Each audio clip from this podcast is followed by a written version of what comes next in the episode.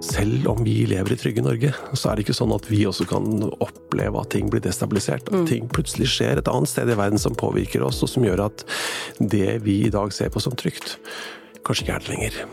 Og da, eh, da, må vi ha på en måte klart for oss at vi kanskje må hjelpe hverandre. At vi må uh, tenke nytt, uh, gjøre grep som gjør at vi kommer best mulig ut av den situasjonen som fellesskap. Friskere viten, en podkast fra Nycoplus om det du ikke allerede vet om helse og ernæring. Hva gjør du? Hvis strøm, vann, telefon, internett og ikke minst tilgangen på mat blir borte i 72 timer. Og hva skjer hvis mattilgangen generelt og muligheten for å få inn forsyninger innskrenkes eller stopper helt opp? Ja, men vi har mange grønne flekker. Vi så det under siste verdenskrig, vi har sett i hele Øst-Europa. At alle disse små plenene, de kan bli produktive dyrkingsarealer som kan gi forbausende mye mat. Eh, og, og, frisk mat i en situasjon der vi kanskje ikke har det. Så det vi har tenkt, det er at eh, vi ønsker å samle kunnskap og erfaring fra Norge, men også særlig fra Øst-Europa, som har mye erfaring. Eh, omsette den i egen hage, eh, se om hva det er hold i, og hva, hvordan vi kan bruke det i Norge, og formidle det videre. Mm. Slik at vi i en kritisk situasjon kan se at flest mulig faktisk kan gjøre plenen sin om til et eh, produktivt eh, dyrkingsareal, og få mat ut av det. Det er det vi skal snakke om i dag. Mm. Anders Nordrum, velkommen til Friskere viten. Du er gartner, mm. og du har vært med å skrive boka Beredskapshagen, slik får du mat ut av plenen. Kan du si litt om deg selv og hva som var drivkraften, og hva som er hovedbudskapet i boka? Mm. Ja, jeg er jo mann på 61 år. Eh, jeg har eh, jobbet som gartnerfaglærer i 22 av dem, og så har jeg jobbet i kriminalomsorgen i 13 år. Så jeg har liksom litt sånn, og i, i kriminalomsorgen så har jeg jobbet med, med gartnerfaget som, som verktøy. Um, for å møte innsatte og gi dem en arbeidshverdag. Uh, så har jeg um, vokste opp i en familie der nødhjelp sto veldig sentralt. Eh, og der far begynte å reise eh, ut i katastrofeområder, først i Biafra-krigen i 67.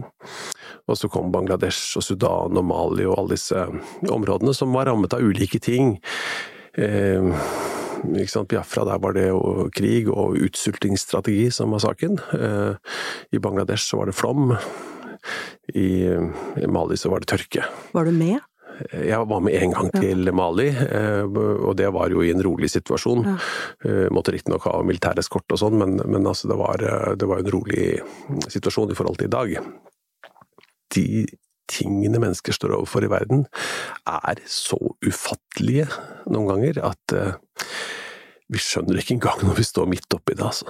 Det er helt, helt utrolig.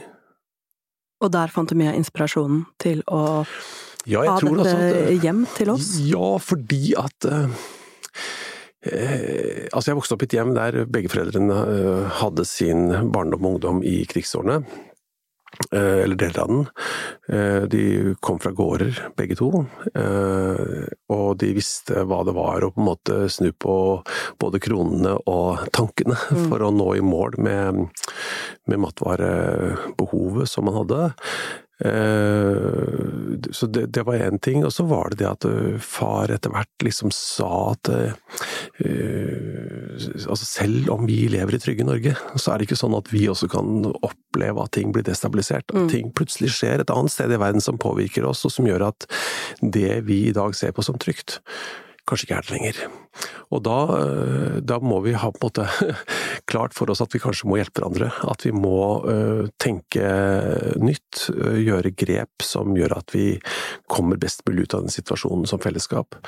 Så den tanken ble jo planta ganske ettertrykkelig inn. Selv om far var direktør og hadde god råd ellers, liksom, så, så var det alltid poteter og gulrøtter og sånt noe hjemme i hagen. Og når mor og far bygde nytt hus på 70-tallet, så bygde de med jordkjeller, og det var det jo ikke en sjel som gjorde den gangen. Mm. Men det gjorde de. Og det tenker jeg at eh, Jeg ser jo det at uh, det, og det å, å, ta en gartnerutdannelse og jobbe som gartnerfaglærer og kjenne næringa så godt, og se hvor sårbar den er, For du må huske på at hele norsk hagebruk, altså grønnsaksproduksjon og jordbruksproduksjoner, de er jo bygd på disse, det vi kaller for innsatsfaktorer.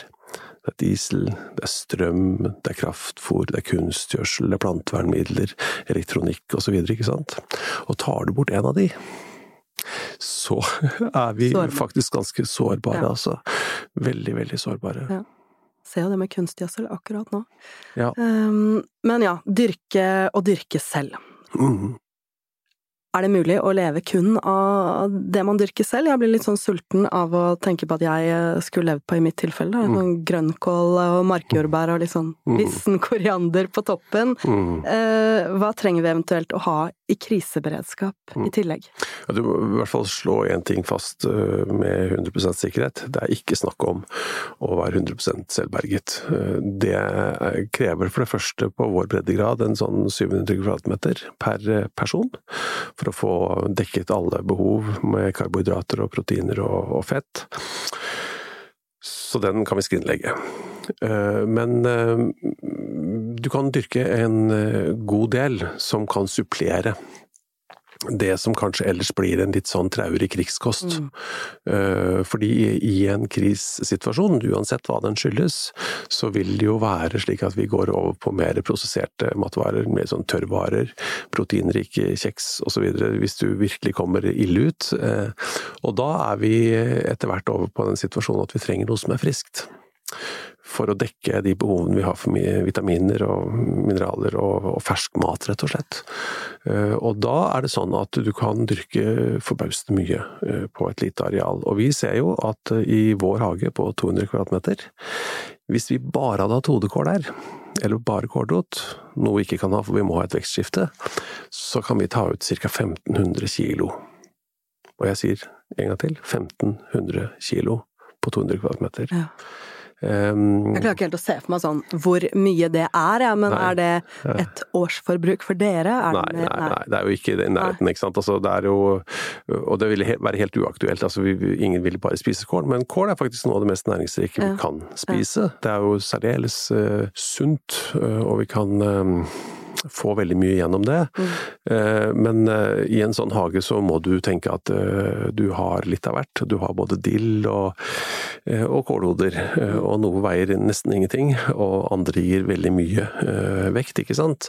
Så, men si at du i gjennomsnitt da, i en sånn hage klarte å ta ut én kilo per dag per år, altså gjennom et år, altså 365 kilo, og du var fire mennesker i en husstand så hadde du 250 gram ferske grønnsaker gjennom hele året. Poteter eller grønnsaker gjennom hele året. Og da ville det bety en forskjell ernæringsmessig, antageligvis.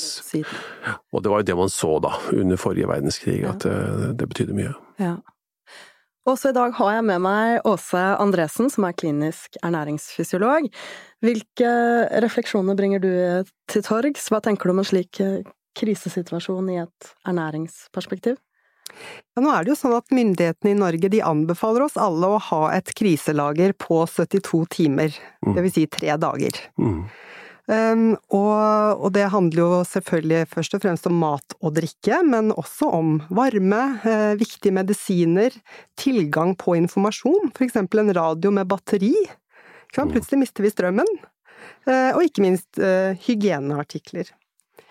Og det er klart at behovene vil jo variere fra person til person, familie til familie. Har du et spedbarn som bruker morsmelkerstatning, mm. da må du passe på nok av det. Ja. Har du eh, en person som har kanskje spesielle ernæringsbehov, så er det viktig å tenke på det. Eh, eller hvis du har en tenåring som spiser eh, tre brød om dagen, så må man ta hensyn til det.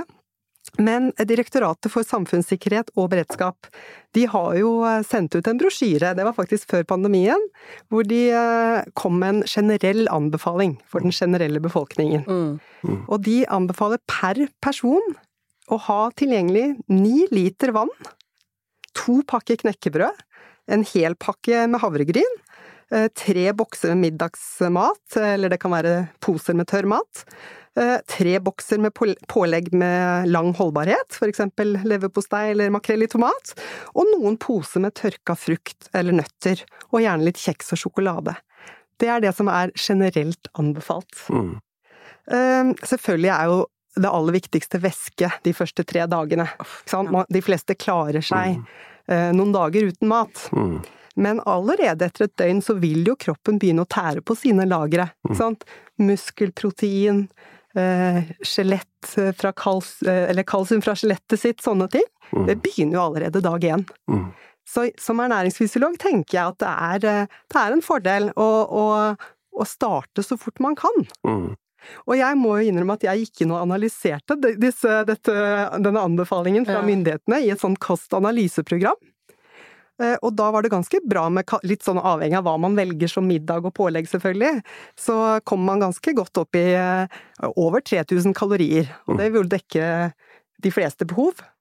Men det ble for lite C-vitamin, D-vitamin og jod. Mm. Sammenlignet med mitt behov. Mm.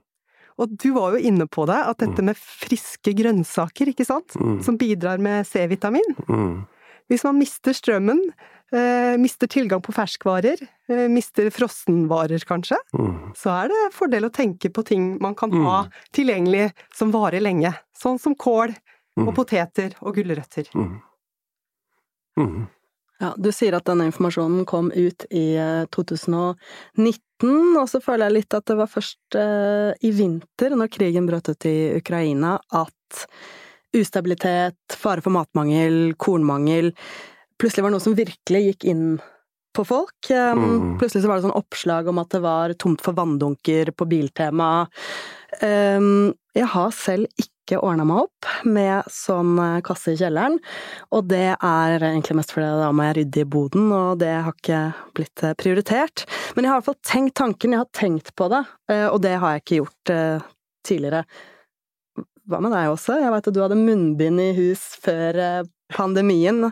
Er du klar for alt? Så nå er jeg så heldig at jeg har en jordkjeller så, så, det er i hvert fall potensial der for å lagre litt av hvert. Eh, jeg har sikret meg vann, mm.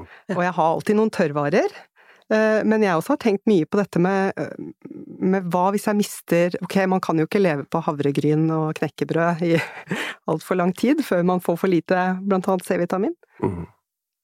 Vi vi skal, snakke mer om det, men når vi snakker om det, en sånn krise som det her, så føler jeg nesten at jeg bare er med i en litt sånn postapokalyptisk eh, film. Men samtidig, dette er jo ikke fiksjonelt i det hele tatt.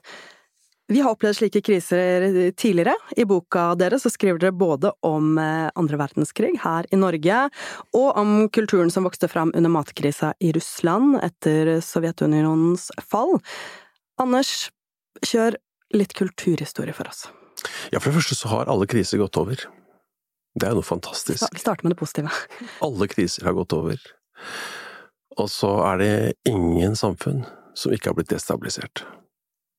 Så at vi har levd i 70 år i fred i Europa, og liksom skal tenke at ja, men det vil vare for alltid, for første gang i historien, det er nok ikke så veldig eh, Det er ikke en veldig rasjonell tanke. Mm. Eh, det er rasjonelt å tenke at verden er styrt av mennesker. Og mennesker eh, kan være uforutsigbare.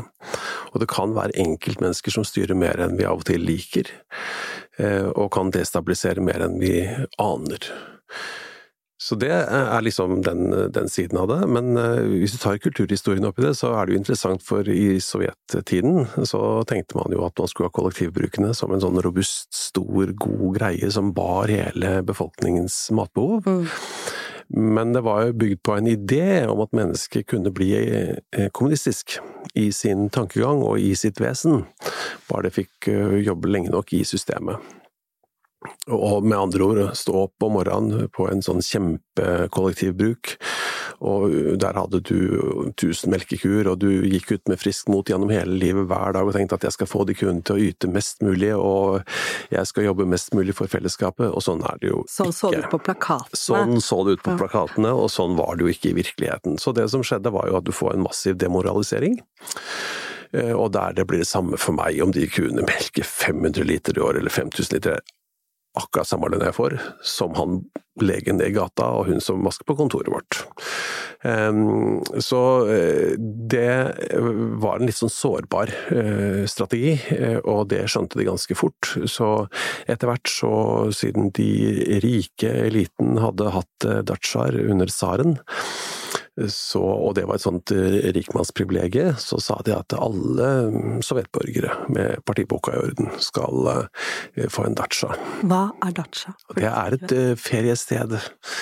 Et feriested på landet. Uh, ja, hytta, men samtidig så fikk de ikke lov til å bygge hytte der, Nei. for de ville ikke at de skulle bosette seg. Så de fikk lov til å bygge inntil 30 kvadratmeter med sånn arbeidsskur. Og så var selve dachaen på 600 kvadratmeter, og de fikk ikke lov til å bruke jord som var dyrket fra før, så de måtte dyrke det opp. Og de mm. måtte klare det i løpet av tre år, og det var en del betingelser som var satt til det. Og de fikk da dyrke det de ville. Eh, det, eller etter hvert da det de ville, og de fikk også etter noe tid lov til å selge overskuddet. Altså det de dyrket mer enn de trengte. Eh, og det åpnet jo for en privatøkonomi mm. som ikke var i sovjettiden til å mm. begynne med. Som gjorde at jeg kunne kjøpe nye gardiner eller en ny Lada, eller altså man deala og fiksa. Det var en veldig sånn stor, grå økonomi. Eh, men så kom jo 80-tallet og et voldsomt sammenbrudd i hele det sovjetiske systemet. Eh, og og da, før eh, Sovjetunionens fall, og ti år etterpå, eh, så er folk helt avhengig av datsjaene. Og da eh, viser offisielle russiske tall at litt over halvparten av det folk spiste, kom ifra datsjaene. Og sanking, altså sopp og bær, og fisking. Eh, og så resten var dealing. altså Man ja. ordna bytte og fiksa og triksa. Det var veldig sånn god dealingsøkonomi på, på, det. I Norge så opplevde vi noe annet. Eh, der hadde man lært av første verdenskrig. Eh, og brent seg ordentlig. Mm. Sånn at da var det alle enige om at vi må ha kornlagre. Så når andre verdenskrig kom, så hadde vi kornlager for ett år. I hele Norge. Eh, og så hadde vi jo fortsatt dette med skolehagebevegelsen, som var veldig viktig, og barn lærte å dyrke på skolen, og fikk et forhold til det. Eh, sånn at eh, når krigen da var et faktum, så klarte man forholdsvis fort å sette i gang og, og gjøre om alle disse plenene og grøftekantene og parkene til dyrkbare arealer. Eh, men mest av alt så hadde jo da myndighetene eh, høsten 39 bestemt seg for at de skulle gi ut et hefte, eh, ikke om dyrking, men om ernæring, mm. som het Mor Norges matbok. Og den boka, den, eller lille heftet, det skulle inneholde en god veiledning om hva man trenger, hva ulike grupper trenger, altså barn, ungdommer, voksne, syke og gravide osv. Eh, og hvordan eh, dette skulle kunne fordeles gjennom uka, slik at man fikk tatt vare på de norske matressursene som vi hadde mellom hendene. Mm. Og den skulle da, eh, Man trodde jo på ingen måte at det skulle bli krig i Norge, det var helt utelukket. Altså Det var ikke en tanke engang i høsten 39, men man skjønte at man hang sammen med resten av Europa og resten av verden, og der var matvaresituasjonen sårbar, og det vi importerte øh, ville bli et problem. Så mm. derfor så tenkte jeg at den, det heftet må vi lage, og det må vi sende ut. Og da skulle det sendes ut i løpet av våren 1940, slik at alle norske husstander hadde det. Og det var jo grevens tid. Mm. Så det gjorde de. De klarte det. Så Mor Norges matbok kom ut våren, etterjordsvinteren og våren 1940, rett før krigen brøt ut. Og ble et viktig bidrag? Ble et kjempeviktig bidrag. Ja. Helt avgjørende. Fordi at det handlet om å forstå det du snakker om, ikke sant, med ernæring. Altså hvordan ulike grupper Og det er så viktig når vi mm. snakker om beredskap. For hvis dette blir at vi dyrker en sånn type prepperkultur, altså greit nok med prepping, men hvis det blir sånn grave seg ned hermetikk på skauen og våpen og, og trekke meg tilbake eh, til krisen er over, eh, da kommer jeg fram, og så er det døde de som er døde, og så lever jeg, da eh, skaper vi varer varige spor i et samfunn. Det er jo hvordan vi klarer å håndtere det sammen, hvordan vi klarer å ta vare på hverandre. Hvordan vi klarer å ta vare på den narkomane, den med Downs syndrom, den med sukkersyke, ehm, barna Enten de er i mors liv eller de er født, ikke sant. Altså, og de gamle og sårbare. Det er, det er, det som viser kvaliteten på øh, Hvis man kan snakke om kvalitet om noe sånt noe. Altså, det er det som er det avgjørende og springende punktet for hvordan vi kan se hverandre i øynene når krisen er over. For den er over en dag. Den kan jo sammenlignes med koronapandemien til en viss grad, at hver enkelt innbygger må bidra for å få oss ja. gjennom eh, denne krisen. Eh, minner oss liksom litt på det vi ikke er så vant til å tenke på, at man som borger ikke bare har rettigheter, men også plikter. Ja. Ja, helt, helt, riktig. Og som eh, Kaiser skriver i forordet til den boka vår, eh, eller han sier det ikke der, men han sier det til oss, eh, at altså hvis du kan sammenligne dette med en hvilken som helst krise, altså når vi kommer utenfor en katastrofe, det viktigste vi gjør, det er å sette folk i arbeid. For hvis du står maktesløs og ser på, og ikke liksom Hva skal jeg gjøre for noe? Så, så skapes det traumer. Mm. Men, men kommer du til en katastrofe, så få barn og gamle og unge, alle, i arbeid, om det så er å koste gulvet eller uh, hjelpe noen, eller altså hva som helst. Ja. Men det er med og tar bort noe av uh, traumebiten oppi det. Uh, og, og, derfor så sier han, at, sa han til oss at derfor så vil jo det, selv det folk dyrker på en balkongkasse, bety noe i det perspektivet, for jeg bidrar bitte litt. Men under krigen var det potetåker i Slottsparken? Det var det under første verdenskrig. Under første verdenskrig. Ja. Og, men i andre verdenskrig så var det i hvert fall i eh, Frognerparken. Og i alle disse her veikryssene og, og grøftekantene så var det jo poteter overalt. Masse fine bilder på Riksarkivet ja. Eh, fra den tiden. Jeg har lyst til å se potetåker i Slottsparken. Ja, ja, og det tror jeg de hadde åpnet for, for vi har en kongefamilie som bare gjør sånne ting. så Du nevnte jo sanking. Vi var vel flinkere før også til å gå ut i skogen, og nå er det jo bæreår bærår i år. Jeg var på et mm. ernæringsseminar forrige uke, og da var det noen som hadde regna på at hvis man utnyttet alle ressursene i skogen, så ville det være nok bær til to porsjoner per person i hele Norge. Mm. Et helt år. Mm. Mm. Det er masse, og jeg tenker på i år, altså bare ved å kjøre langs veien, så har jeg jo sett masse bær som ikke blir plukket, ikke sant. Så vi, vi har jo et luksuriøst forhold til det. Under krigen så ble det arrangert eh, helgeturer til Kongsberg og sånt noe, der man fylte opp lastebiler, altså folk satt på planen ikke sant, bak med bøtter og spann, og så reiste de til Kongsberg, hadde noen teltduker og sånt noe å legge seg under, og så fylte de bøtter og spann, og så reiste de hjem igjen. Så, så dette her, eh, man får det jo til. Mm men man må måtte se at jeg kan bidra. Ja. Og man må kanskje være tvunget til å trenge det noen ganger? Ja, vi må nok ofte det, og det kan altså, ikke sant. Det er jo absolutt ikke noe vi streber etter, dette er ikke noe vi søker, men når det er sagt, så kan det òg hende at vi ville oppleve at det kom noen positive ting ut av det. Mm. At vi f.eks. vil oppleve et større grad av samhold, en større grad av forståelse for hvor vanskelig livet og sårbart det kan være, og et varmere samfunn i forlengelsen. Mm. Mm. Ja, men vi skal, vi skal, prøve å holde oss til dette, da, med eh, beredskapshage og mat som beredskap, både personlig og nasjonal. Det er et interessant perspektiv. Det handler jo om. Selvforsyning til en viss grad. Vi kan også se det i et større perspektiv om å hegne om nasjonal matproduksjon i Norge og gjøre oss mindre avhengig av import. Når det er mm. matmangel i verden, så blir jo selvforsyning solidaritet i praksis. Mm. mm. Eh, men noen har kanskje et litt sånn ambivalent forhold til beredskap, og mm. hamstring ble veldig kritisert under koronapandemien igjen. Hva er forskjellen mellom å preppe og hamstre? Eh, jeg tror at eh, det er mer en sånn måte hvordan vi lader ordene, det er mer hvordan vi opplever de. Mm. Og, og, de fleste av oss, i hvert fall jeg, eh, har nok forbundet prepping mer med en sånn eh, meg og mitt, hvis noe skjer. Mm. Og det er det det handler om. Mens, mens det, hamstring er kanskje litt sånn det er lurt å ha på lager ti pose med havregryn, og så roterer jeg dem. Eh, ikke sant? Eh, og så bruker jeg de eldste først, og så gjør jeg det samme med hermetikken, og så har jeg litt sånn, litt sånn langsiktig, fornuftig plan på det. Men det er mer en sånn Det blir jo mer en følelse, dette her. Men jeg tror mest av alt holdningen er det viktige. Mm. For det, det, handler veldig mye om uh, hvordan jeg går inn i det, hva slags tanker jeg har rundt det når jeg går inn i det, og hvordan vi skal løse det. Skal jeg løse det alene, jeg og min familie, eller skal vi løse det kollektivt? Og, og kan vi begynne å snakke om det litt, kanskje på førjulsfestene nå, med naboen og med vennene og sånt noe.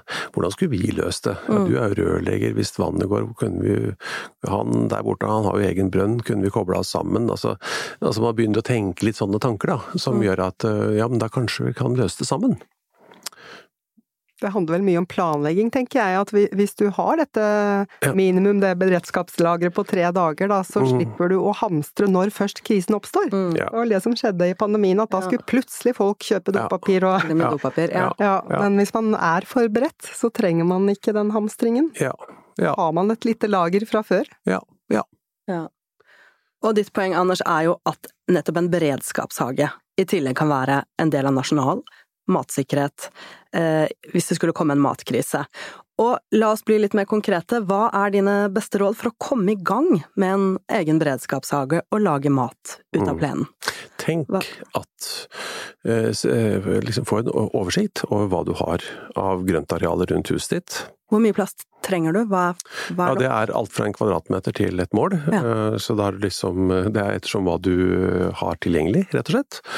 Eh, og man kan jo samarbeide med andre hvis man har veldig mye. Mm. Eh, og man kan tilby seg å jobbe sammen med andre hvis de andre har mye og jeg har lite. Så det er litt sånn den planen på det. Og så er da det å lage seg en plan på hva er det vi skal ha i hus.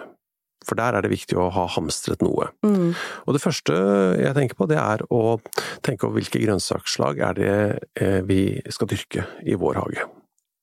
Som gir mye og er næringsriktig mat, og da å kjøpe frø til det. Eh, passe på at de frøene blir eh, holdt tørre. Legges ned i et glass, skrur det igjen, putter i bunnen av fryseren, da står tiden stille. Da kan du lagre frø gjennom mange tiår. Mm. Eh, ellers så går den biologiske klokken, og så dør frøene etter hvert. Mm. Eh, så det å lage seg et, et, godt eh, og fornuftig frølager, det er veldig klokt. Så da har du det, hvis hagesenteret ikke funker lenger? Ikke sant. Så ja. det, det, for oss har det vært veldig viktig å tenke hagesenter uavhengig. Mm. Ikke fordi det er noe galt med hagesenteret, det er kjempefint, men vi er så vant til at vi kjøper frø når vi vil, og jord når vi vil, og gjødsel når vi vil. Men nå må du plutselig tenke at eh, jeg har spade, eh, og så har jeg frø, eh, og så må resten hentes i trillebåravstand mm. fra hagen. Mm. Og, det var det som var på en måte den viktige læringen for oss på den studieturen vi hadde sommeren 2015 i i arkangelsk. For da, eh, for det første så var det litt av utfordringen at veldig mange russere ville gjerne vise oss de fine hagene som var blitt eh, etter at de ikke trengte Datsjan på den måten lenger. Så det var liksom det blomsterrike og det vakre som selvfølgelig var i sentrum. Eh, og å skjønne hvorfor vi tenkte sånn var ikke så lett. Men så til slutt så møtte vi et gammelt ektepar oppe ved elven Dvina, ganske langt nord for Arkangelsk, og de hadde ikke nåla i veggen, altså. De var fattige, de. Ja. Men de hadde hus, og rundt huset så var det altså grønnsaker og poteter helt inntil veggen og helt ut i gjerdet. Men de hadde jo ikke noe kunstgjødsel, og det var heller ikke noe husdyrområde, så de hadde heller ikke noe husdyrgjødsel. Så var da nøkkelen, liksom.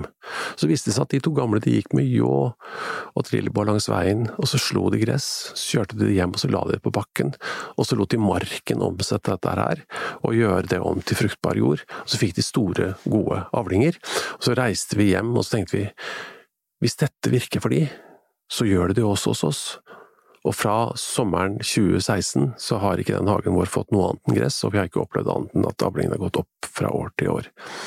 Men man må ha den kunnskapen, da. Ja, og den kunnskapen den er veldig enkel, egentlig. Mm. Altså, den er veldig sånn eh, jordnær og enkel, og vi ser det jo på kurs og folk som kommer på kurs og, og melder tilbake igjen etter et år og to at oi, endelig fikk jeg det til, ikke sant. Det var så enkelt mm. som at jorda har behov for å være dekket. Sånn er det i naturen. Ja. Og sånn skal det være i hagen. Ja. Og, og hvis det er sånn, så faller disse prosessene i skaperverket på plass. Ja. Og så begynner det å fungere av seg selv. Eh, og så blir det da veldig lite stell. Fordi det blir nesten ikke luking, for at ugrasfrø de er jo programmert sånn at de skal spire når det blir lys, for de skal spire når det blir en skade på jordoverflaten. For jorda skal ikke ligge svart. Mm. Men når de får gress på seg, så blir det mørkt, så da holder de seg i ro. Så vi har nesten ikke luking. Det blir stopp på fordampingen, eller veldig mye av fordampingen, så vi vanner nesten ikke. Vi gjødsler ikke, fordi eh, marken er oppe og henter det gresset og omsetter det til eh, næring. Eh, så, så det er på en måte det er sånn, det er sånn kinderegg som de to gamle viste oss, da. Mm. Så kan man si at ja, men det er jo det vi kaller for mulching, og som man driver med i økologisk sammenheng. Sånn, ja, det er, det er, det Men vi har da tenkt at Ofte så har folk litt kompost de kan legge på, og de har litt tang og tare og sånt, men vi har tenkt vi må prøve å finne en metode som helt sikkert kan møte alle, enten de bor i Finnmark eller på Sørlandet, mm. eller i fjellet. Og, og, øh, og, så blir alt annet bonus, enten det er husdyrgjødsel eller kunstgjødsel eller hva det nå er for noe. Ja. Det er bonus. Ja. Men den viktigste kilden, den sitter vi tre på. Mm. Urin, nei. Ja, fordi at en eh, hage på 200 kvadratmeter uten gressdekke kunne jeg gjødslet alene hvis de hadde samlet på min urin gjennom et år. Ja. En familie på fire vil fint klare å samle opp sin urin og holde den hagen gående gjennom en sommer og få store avlinger. Mm. Så kan man si at det er litt sånn æsj og usj og sånn, men går du tilbake litt eldre litteratur, så er det en selvfølge. Man bare snakker om det, man bare skriver det. Altså, ja. Da kan du bruke urin blandet ut med Og så har svenskene omdøpt det til gullvann, og da har det blitt litt mer sånn akseptabelt. Ja, ja, så nå snakker vi mye om gullvann. retorikk er viktig. ja. Ok, men så du trenger en eh, kvadrat eller et mål, alt derimellom. Du trenger frø, og du trenger gress og så er du good to go. Ja, så er det spade må du ha. En spade, god spade. Ja. Og så må du ha en Trillebår skader ikke. Mm. Men hva slags eh, slag av grønnsaker kan være best å begynne med for nybegynnere, da? Ja. Da skal jeg bare legge til en ting til som jeg glemte å si. Kjøp også eh, inn um, fiberduk eller insektsnett og ha det liggende tørt. Mm. Fordi at uh, disse kålsommerfuglene og kålmøllene og sånt, og det blir fort et problem. Ja. Men uh, kålvekster, det er veldig sunn og nærende mat. Um, så både kålrot, nepe, knutekål og hodekål og grønnkål mm. er jo veldig enkle uh, grønnsaker. De er lette å spire i vinduskarmen, og de er lette å dyrke i hagen. De trenger mye næring, men det klarer du. Mm. For der sitter du på kildene. Og så eh, kommer du da eh, videre. Altså hvitløk er veldig lett å dyrke. Er, eh, altså, for 30 år siden hadde du spurt meg da som gartnerlærer, så hadde jeg sagt at det, det, siste du skal begynne med hvitløk. For det hadde jeg prøvd så mange ganger. Jeg hadde vært på Kiwi og kjøpt, og det gikk ikke bra. Og så var vi i Hviterussland for 20 eh, år siden, og så fant vi en hvitløk som viste seg at det gikk veldig bra. Og nå er det mye av de østeuropeiske sortene i Norge, og de kan du dyrke overalt i Norge. Kjempehardføre, settes om høsten, enkle å få storavling på. Sjalottløk ville jeg hatt. Eh, og sjalottløk fordi at eh, vanlig kepaløk den eh, er sånn at du må så den og plante den ut, eller kjøpe stikkløk, og det er ikke så lett å få til i en sånn krisesituasjon. Men har du en god sjalottløksort, så tar du og setter én, så får du ti. Ta vare på én, spiser ni. Mm. Og sånn fortsetter du. Og så kommer de andre tingene, som gulrøtter og rødbeter, og sånne rotvekster da, ja. som er lett å lagre. Og når har du ok, så du begynner med kål og hvitløk. Når har du nådd liksom, når er du på nivå? Når er du skikkelig god? Hva er det vanskeligste å dyrke? Nei, men egentlig så, så, ender du nok ofte opp med disse tingene som, eh, som du som kan, eh, noen får veldig godt til, men som andre syns er kjempevanskelig. Da. Og det kan være sånn som eh, tomater og chili og agurk og sånn noe. At det, man plundrer litt der, da. Fordi ja. at det skal finnes litt varme, skal finne riktig sort og sånt noe. Men der òg er det mye det er snakk om sort. Vi må huske på det, at når vi velger grønnsaksslag, så har vi lett for oss å tenke at det er kål er kål. Mm. Liksom. Men, men hvis vi skal sammenligne, da hvis du skulle over grønlandsisen med en hundespann, og du skulle liksom uh, nå over dit, og hundene skulle trekke hele veien, uh, så ville du ikke satt inn en annonse og så, ja, spurt etter uh, ti hunder. Og kunne risikere å få ti pudler. Så du ville vært veldig spesifikk, og så ville du sagt at jeg skal ha ti grønlandshunder, f.eks. Som skal ha den, den avstamningen og, og, ha de og de lynnet i seg. Da ville du kunne nådd målet ditt. Og sånn er det altså det var derfor jeg bomma med hvitløk i mm. alle år. Mm. Helt til jeg plutselig traff han den hviterussiske munken borti der for 20 år siden, som ga meg nøkkelen. Og så dyrker vi det nå på 1000 meter, og det går fint. Nå ser jeg for meg disse pudlene over grønlandsisen. Men også tilbake til ernæring, har du noe innspill til dette? Er det enkelte eller sårbare grupper som må tenke på noe spesielt? Eh, ja, vi kan snu det litt. Jeg, jeg, har lyst til å ta opp grønnkålen, jeg. Mm. Ikke sant? For den, vi har jo allerede vært inne på C-vitamin, som er noe av det som er vanskelig hvis man bare tenker uh, tørr mat.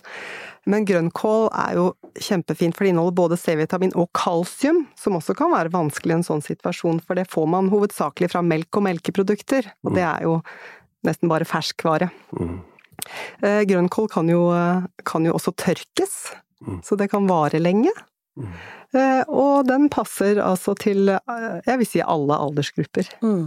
Så jeg er veldig fan av å prøve å tenke litt sånn som kan eh, brukes til alt og alle. Mm. Mm. Så grønnkål, det, det heier jeg virkelig på. Men jeg vil også ta opp J. jod. Det også nevnte jeg innledningsvis i denne, når jeg tok denne analysen ja. av eh, myndighetenes eh, beredskapsplan. Så kan det også være vanskelig å få nok av, og det er viktig eh, hos de som skal bli gravide, blant annet. Mm. viktig i fosterutviklingen. Men det er også mange grupper i befolkningen som får i seg litt lite, for hovedkilden er igjen melk og melkeprodukter, ja. spesielt i flytende form, melk og yoghurt, litt i brunost.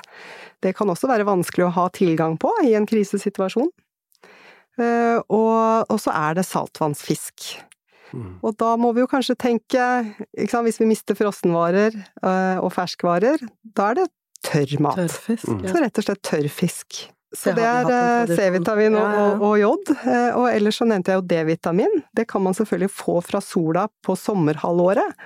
Men tenker vi en krisesituasjon hvor man kanskje må være mye innendørs også, i mm. perioder, eh, og i løpet av vinteren så kan vi ikke få nok, da er det kanskje viktig å tenke makrell i tomat, eh, andre typer fet fisk som, som, er, eh, holder, som holder seg lenge, mm. som er på boks.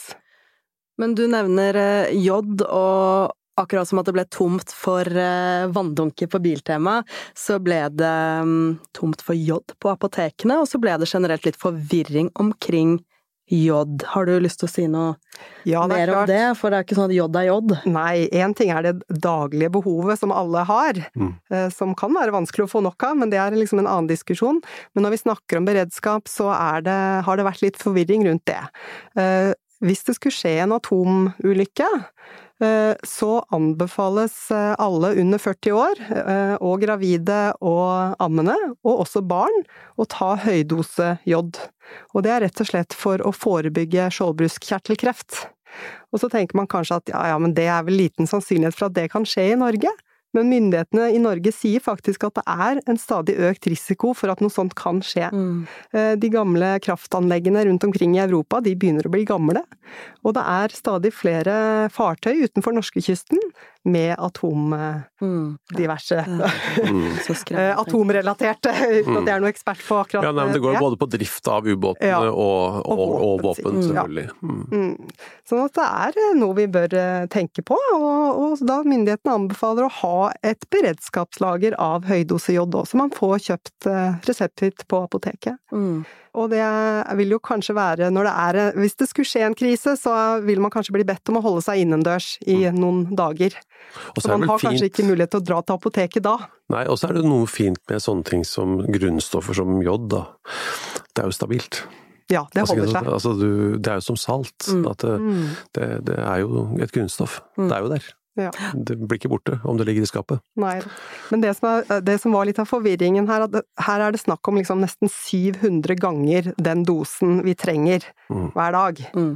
Så det er ikke det samme som vanlig sånn kosttilskuddsjobb eller fra det som man får fra sjømat og fra melk og melkeprodukter. Nei.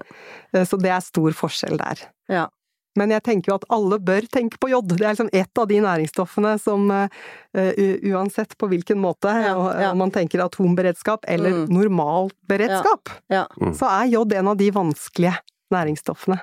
Tenk på jod på to måter. Ja.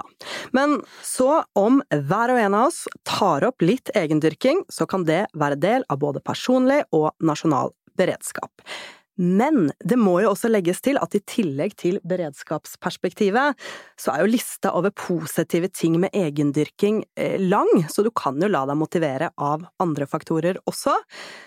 Det er én krise som vi ikke behøver å forberede oss på, men som allerede er her – klimakrisa. Kortreist mat fra egen plen gir vel et ganske beskjedent klimaavtrykk.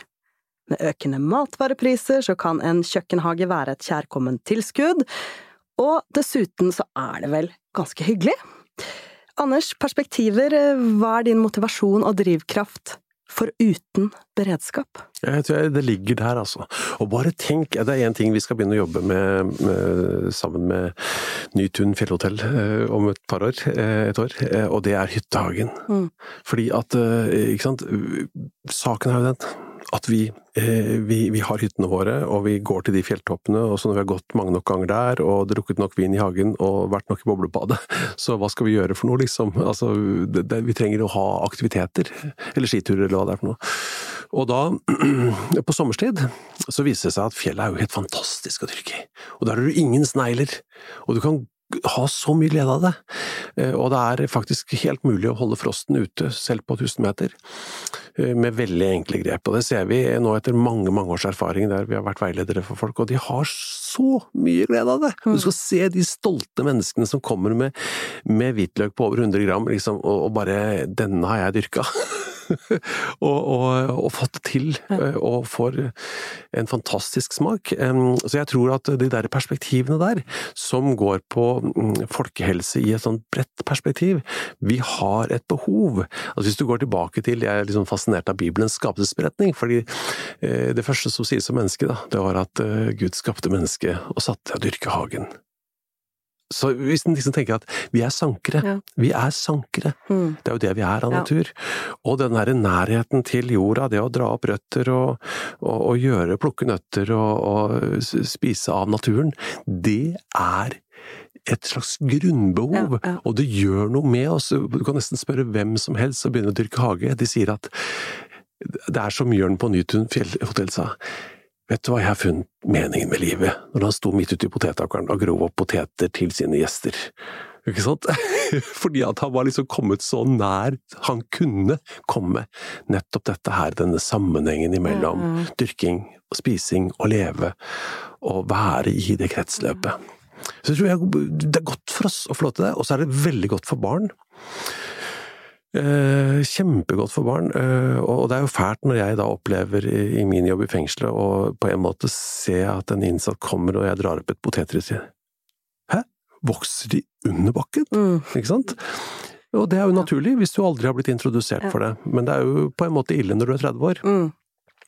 Så jeg tror at det, det, er så bra for oss. Det er så viktig, og vi får en ydmykhet og respekt for det med maten. Vi slutter kanskje å kaste så mye. Eh, og det er, som, det er liksom bare plusser i parken, og så kommer disse tingene som går på det at eh, vi får inn disse bakteriene vi trenger. For dette kan du si masse om, ikke sant, med dette med bakteriefloraen vår. Hvordan den henger sammen med sunn jord, mm. og hvorfor dyr spiser jord i naturen, og barn spiser jord, og vi sier fysj, fysj og æsj, æsj, ikke sant. Men egentlig så er det naturlig påfyll. Ikke sant? Og det får vi også med de tingene. Ja, det husker jeg vi var inne på i episoden om immunforsvaret, at det var helt greit at treåringen min spiste sand i, i barnehagen, og det egentlig bare var bra. Og så er det andre bonuseffekter, helsefordeler? Jeg tenker jo at man får jo vært utendørs i frisk luft. Man får fysisk mm. aktivitet. Det å, med mindre stillesitting oppfordrer jo Helsedirektoratet oss til. Og det å holde på ute i hagen, det er jo det er jo løsningen. det er jo gull. Du får alt. Det er sånn kinderegg. Absolutt. Jeg veit du har et lite småbruk, i tillegg til uh, urban leilighet her i byen. Jeg er litt misunnelig på det. Driver du allerede med dyrking, eller har du blitt inspirert til å starte nå?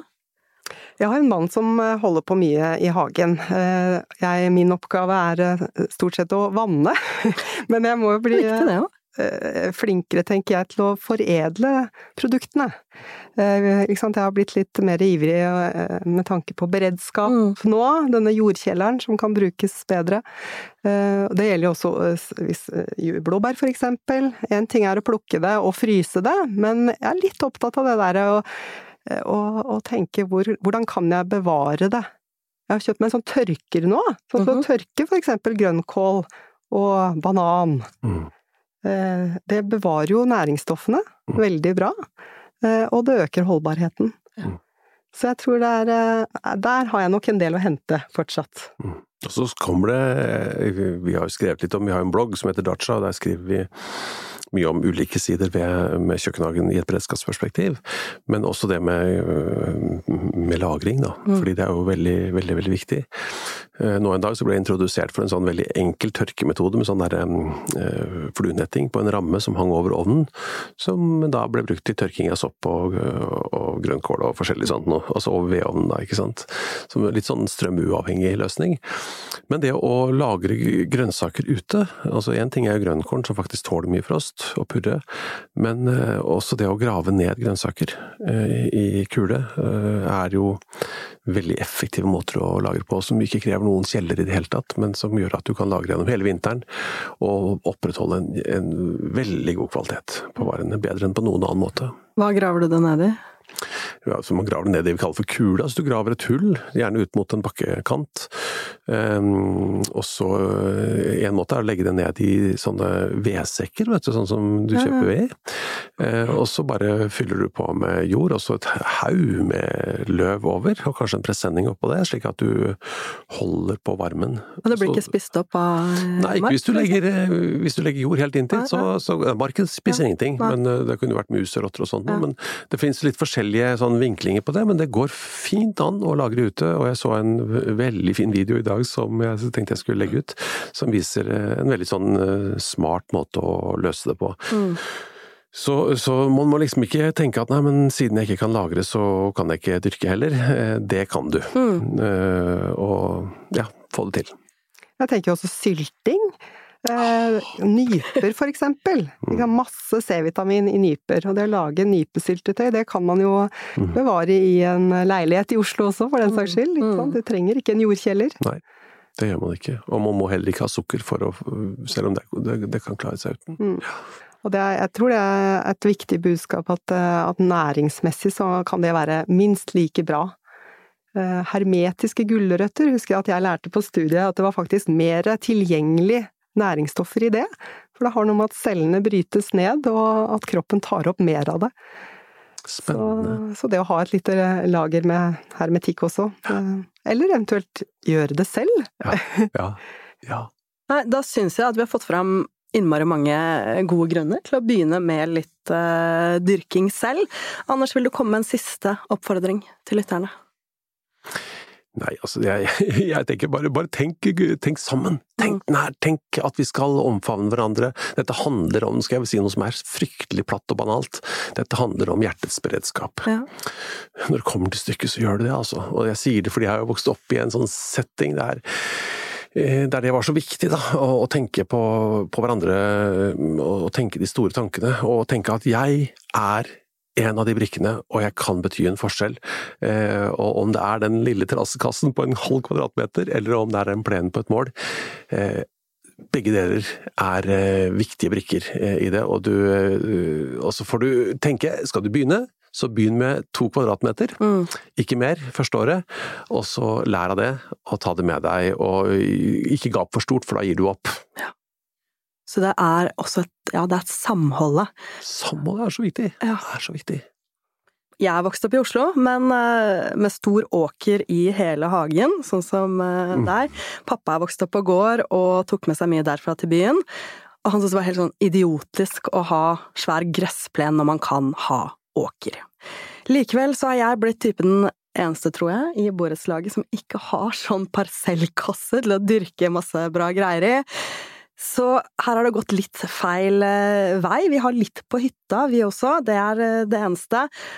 Og det kjenner jeg nå at jeg har lyst til å gjøre noe med. og føler et slags ansvar for å videreføre til mine egne barn kunnskap og interesse for å dyrke ja, mat.